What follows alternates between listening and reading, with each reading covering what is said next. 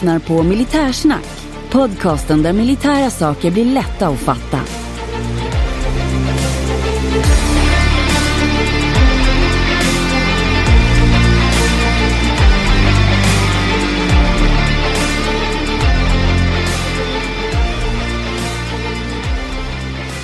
Då hälsar jag er välkomna till ännu ett avsnitt av Militärsnack. Vi går in på ett så kallat Bertil-avsnitt för bokstaven B. Det betyder att det är inte ett vanligt avsnitt utan att det är ett extra avsnitt och i det här fallet så är det en lyssnarfråga. Jag som pratar heter Henning Svedberg och bredvid mig sitter... Här sitter löjtnant Andersson. Du är så välkommen löjtnant. Många tack. Tackar. Ja, vad har hänt sedan eh, sist? Det var inte så många dagar sedan vi släppte senast, men det har hänt en del roliga grejer. Ja, det har hänt en hel del saker. Bland annat så har vi fått eh, en, ett uppsving i vår eh, lyssnarskara. Och Mm. eh, jag tror, var det, vilken dag var det vi spräckte 100 här på, det var i måndags. Ja, det var 100 på en, på, en- på en måndag, men vi hade Jajamän. också ett jubileum innan det. Jo, vi har passerat tusen lyssningar sedan vi började. Jajamän. Jajamensan.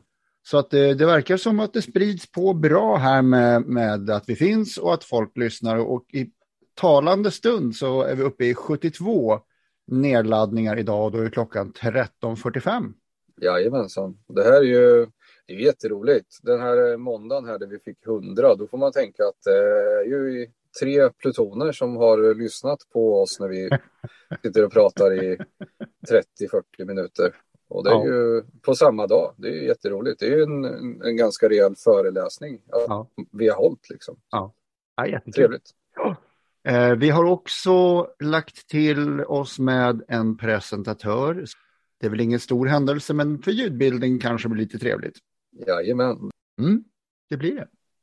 Jo, vi har då fått en lyssnarfråga, det är därför vi gör det här avsnittet. Och det är Stellan Pilblad som har skickat ett mejl till oss. Och eh, han ställer en fråga och han vill gärna höra löjtnant Andersson prata något som ligger honom varmt om hjärtat. Och det är Genèvekonventionen, krigets regler, omhändertagande av fångar med mera.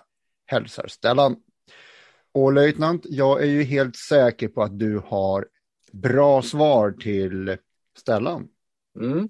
Vi ska försöka hålla Stellans hjärta lite varmt här då och eh, tillmötesgå det här och eh, prata om eh, det han eh, eh, efterfrågar. Ska vi börja med själva frågan, vad är Genèvekonventionen? Ja, det gör vi. Och Genèvekonventionen, det är egentligen internationella överenskommelser som reglerar väpnade konflikter. Och eh, de gäller både internationellt och eh, internt, alltså inbördeskrig. Utan, eh, det är internationellt och man har kommit överens om vad som ska gälla. Och eh, vid krig, oavsett om det är internationellt eller inbördeskrig som sagt. Och den första Genèvekonventionen, eh, den kom till eh, 1864 och eh, reglerar sårade och sjuka vid landkrig. Mm. Och eh, den andra kom eh, 1906 och eh, reglerar sårade och sjuka och skeppsbrutna vid sjökrig. Den tredje kom 1929 och hanterar just krigsfångar då som vi ska prata om ytterligare. Mm. Och eh, den fjärde kom 1949 och reglerar civilbefolkning. De här fyra konventionerna har eh, gemensamma artiklar. Både artikel 2 och 3 är identiska i alla konventionerna. Så att, säga. Så att eh, där regleras övergripande saker. Men det som är intressant är att i artikel 2 i samtliga fyra konventioner så står det då att eh, Genèvekonventionen ska gälla även om en av parterna inte anser att det är krig. Okej. Och eh, då kan ju en av parterna kanske anse att det är en militär specialoperation och de andra att det är ett krig och då, är det, då ska det här gälla. Och eh, det gäller vid ockupation av annat land eh, även om det inte sker något väpnat motstånd. Och det är också intressant, det vill säga att land X ockuperar land Y och de Y gör inget motstånd men då är det ändå att eh, Genèvekonventionen ska gälla då. Ja, Och eh, fångar då, som eh, Stellan frågar om, det regleras ju då i tredje konventionen från 1929, eh, krigsfångar. Eh, där står det bland annat eh, att eh, fångar ska behandlas humant och man får ej misshandla fångar fysiskt eller psykiskt. Det står att eh, det enda en fånge behöver uppge eh, är namn, nummer, födelsedatum och grad. Och nummer är ju personnummer eller social security number. Och det behöver ju inte vara samma som födelsedatum. Eh, I Sverige är det ju det. Men mm. namn, nummer och grad säger vi. Men det är ju då namn, nummer, grad och födelsedatum. Till exempel eh, Pelle Persson, eh, eh socialnummer 123, födelsedatum 27 mars, eh, korpral. Mm. Det reglerar även att eh, fångläger ska vara uppmärkta med POV, eh, Prisoner of War, eller PG, och det det franska. Nu kan inte jag franska, men någonting i stil med Prison de guerre eller någonting. Det betyder säkert något annat. Men PG eller POV. Eh, kan du franska? Mejla in en ljudfil. Det står eh, även att anhöriga till fången ska underrättas inom en vecka att man är tillfångatagen. De ska få korrespondens då. Det står även att eh, brevkontakt ska vara tillåten och att eh, fången har rätt att motta paket och att hjälporganisationer som till exempel Röda Korset eh, kan vara behjälpliga med leverans av paket. Röda Korset har även rätt att besöka och kontrollera efterlevnaden på vid ett fångläger, att det här funkar som det ska. Eh, man har även rätt som fånge till en resa hem efter krigets slut. Där har vi kortfattat vad som bland annat står i tredje konventionen då från 1929 avseende krigsfångar. Men för att det här ska gälla, som eh, att man ska ha krigsfångestatus, så måste man vara kombatant. Och för att vara kombatant, enligt eh, Genèvekonventionen då, så finns det x antal eh, roller du kan inneha för att räknas som kombatant. Och eh, då är det bland annat. Du, om du är militär, milis, frivillig som ingår i den försvarsmakten, alltså att du är organiserad under en krigsmakt eller försvarsmakt. Det kan vara annan milis, alltså att en, en egenskapad belisgrupp och så vidare som kanske inte är ansluten direkt till en försvarsmakt. Eh, läs gerilla, partisanrörelser och sånt. Eh, och då måste du uppfylla fyra stycken villkor och eh, villkoren är att du ska vara uppmärkt. Det kan vara en armbindel eller en ja, speciell märkning så att man ser att det här ingår. Och du ska bära vapnet eller vapnen öppet vid stridshandling. Det vill säga, du kan inte gå med en k-pist under en, en lång civil rock och sen dra fram den och skjuta på en vägpost. För då kommer ju de här fienden tro att du är civil och då kommer andra civila drabbas. Därför måste man bära vapen öppet vid stridshandling. Eh, därför ska man vara uppmärkt och bära vapnen öppet när man deltar aktivt i stridshandlingar. Eh, man ska vara inordnad under någon form av chef, alltså någon ska vara ansvarig. Och du ska följa krigets lagar. De fyra sakerna. Och då, krigets lagar kommer vi återkomma till. Mm. För de gäller alla som deltar i stridshandlingarna. Då. Det är även militära förband. Eh, den här är lite luddigare. Men militära förband även under ledning av en icke godkänd eh, regering. Eh, det innebär att land X har ockuperat Y och satt dit en regering och sagt att det här är nu, eh, det här ingår i land X. Men eh, den, de militära förband som fanns i land Y redan innan, eh, de kan ju ledas av den viktiga regeringen i land Y. Och då, då är de fortfarande kombatanter, mm. fast landet anses vara ockuperat. Det är personer med speciell funktion som medföljer eh, militär. Till exempel en civil besättning på ett militärt flyg eller en eh, civil besättning på militär båt och speciell funktion. Eh, då räknas man som kombatant. Det är besättningen på handelsfartyg och luftfartyg som tillhör staten. Eh, den staten, de är också kombatanter. Och den sista som blir lite luddig, det är civila vid självförsvar. Och då tänker man ju, men är inte det annan milis som uppfyller de här fyra villkoren? Nej, utan det här är rent självförsvar av civila. Det kallas också på franska, jag tror att det heter liv en masse eller någonting. Mm. Eh, en form av uppbåd, det vill säga fienden är på väg in i din stad. Eh, du tar upp vapen för att försvara dig där och då. Och eh, följer du då krigets lagar och bär vapnet öppet, då eh, är du kombatant. Jag är mm. osäker på det här med chefsrollen i och med att det är liksom en, en, någonting som uppstår spontant. Och uppmärkningen eh, kan jag inte hitta någonstans, utan följer du krigets lagar och bär vapnet öppet och, och försvarar dig i nödvärn, då ska du räknas som en kombatant.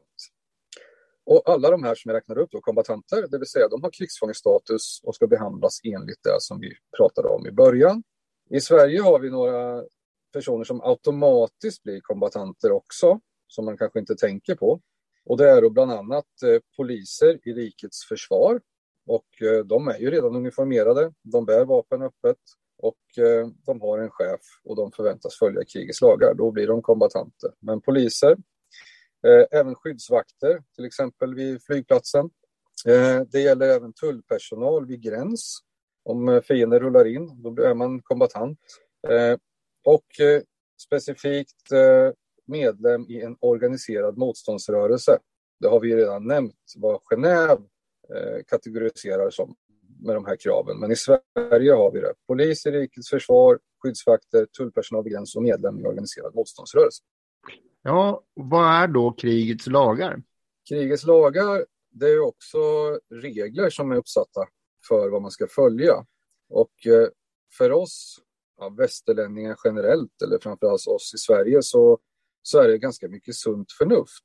Man tänker inte, vad finns det lagar i, i krig? Ja, det gör det, men för oss är det ganska naturliga grejer.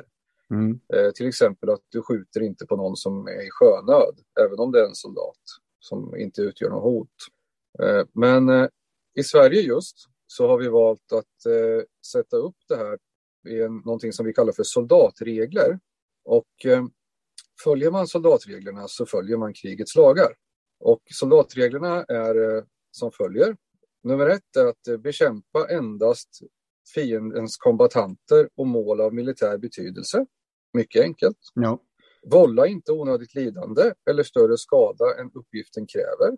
Så, och onödigt lidande det är också att det innefattar förbjudna vapen. Man får inte påverka projektilerna till exempel. Man får inte använda jaktammunition eh, Eh, med expanderande kulor och sånt, utan man får inte ändra funktionen på vapensystemen så att de gör mer skada än vad de är avsedda att göra. Bekämpa ej fiende som försatts ur stridbart skick. Det vill säga en fiende som uppenbarligen ger upp eller eh, att den är så pass skadad att den har lagt ifrån sig sitt vapen. Eh, fienden som flyr får man skjuta på. Fienden som eh, fortfarande har sitt vapen och utgör ett hot eller anses stridande får man ju nedkämpa. Men man får inte bekämpa fiender som försatts ur stridbart skick, alltså sårade, skada och så vidare.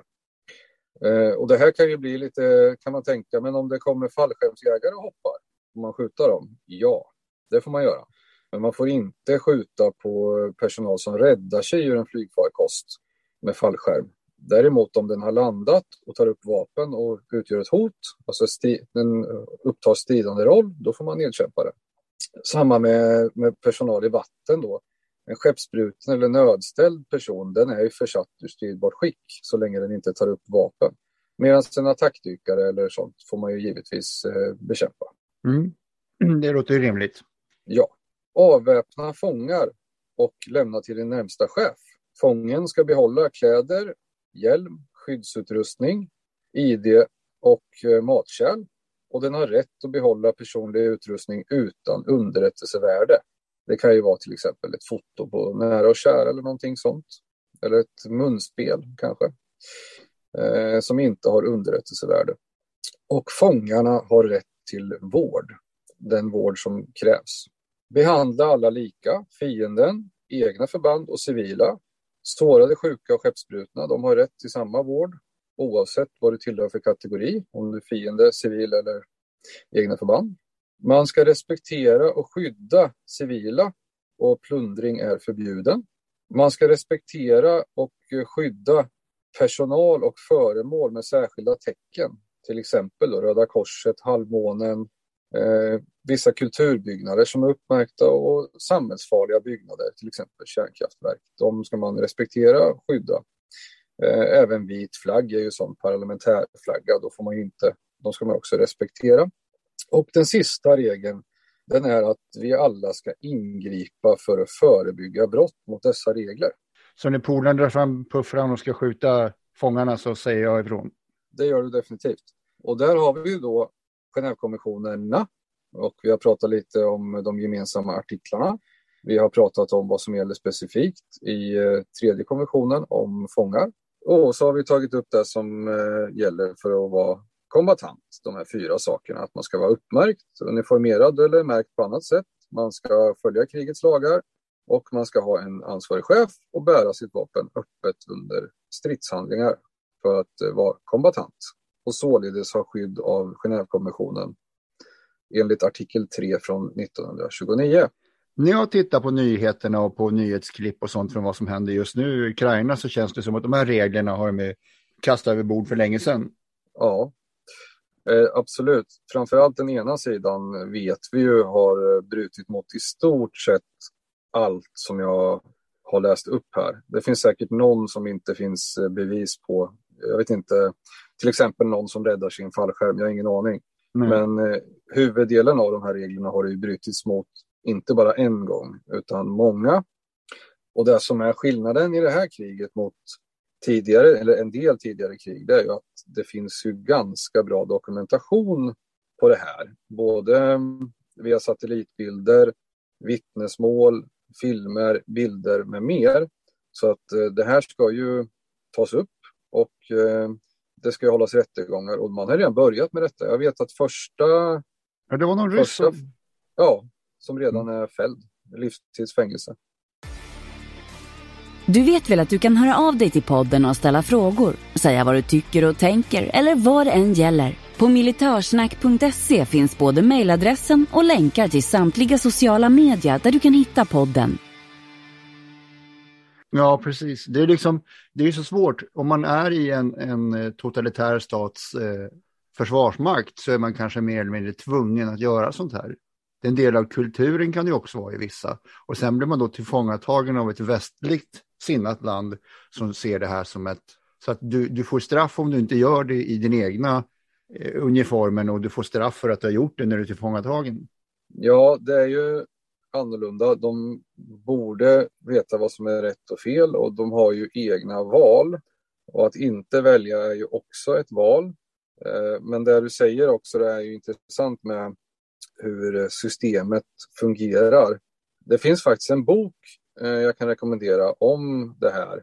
Eh, hur det är att göra värnplikten i det här landet och hur det fungerar med misshandlar och, och penalism och så vidare. Och boken heter Krigets färger. Just. Han som har skrivit den är, han heter eh, Babchenko. Just, just. Eh, väldigt eh, brutal läsning. Men, eh, han gjorde då värnplikten och eh, han eh, tjänstgör sedan i Tjetjenien och skriver om olika händelser där. Att, eh, eh majoren misshandlar kaptenen och kaptenen misshandlar löjtnanten och löjtnanten misshandlar fänriken och fänriken misshandlar och så vidare och så vidare. Och hur, hur det här sätts i system. Mm. Det finns också en podcast, eh, ett avsnitt hos Kvartal som tar upp just det här också. Livet i den ryska armén heter det avsnittet av Henrik Höjer från, äh, från 9 mars i år. Det är nog Babchenko som är skälet till den, det podcastavsnittet. Det kompletterar nog boken lite. Okej. Okay. Ja, det är sånt här som för oss är obegripligt och sånt som jag sa i början eh, när vi läste upp eh, att det här är ju liksom för oss sunt förnuft. Och eh, självklart så begås det säkert någon form av eh, övergrepp från båda sidor i ett krig. Men här är det liksom systematiserat från den ena sidan. Men har det, det inte finns ju, ja. Har det inte varit så från rysk sida sedan urminnes tider? Jo, det man vet historiskt är ju att det är på det sättet de, eh, de beter sig. Och man vet ju också att fram tills ganska nyligen så hade man ju inte ens eh, i sina trossförband något annat egentligen än diesel och ammunition. Man räknar ju med att eh, mat och vatten och, och sådana saker, det tar vi där vi hamnar. Mm. Utan man hade det som krävdes för framdriften, alltså ammunition och diesel och reservdelar. Eh, mat, vatten, sjukvård och sånt, det liksom fanns inte ens i systemet. Utan Eh, något rykte jag hörde om det här med sjukvården när det började komma, det var liksom soldatmödraorganisationen som började kräva att det skulle finnas sjukvårdsresurser och samla in pengar till detta. Mm.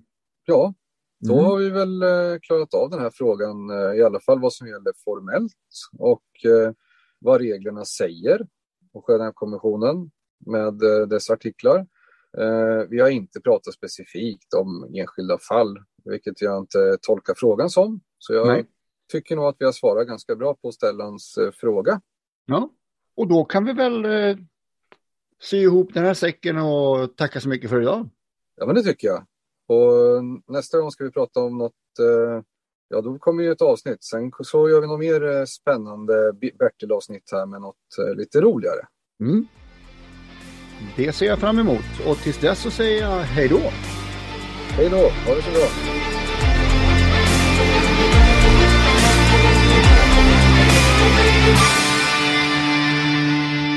Glöm inte att gilla, dela och gärna prata om vår podd med de vänner du tror skulle gilla den. Tack!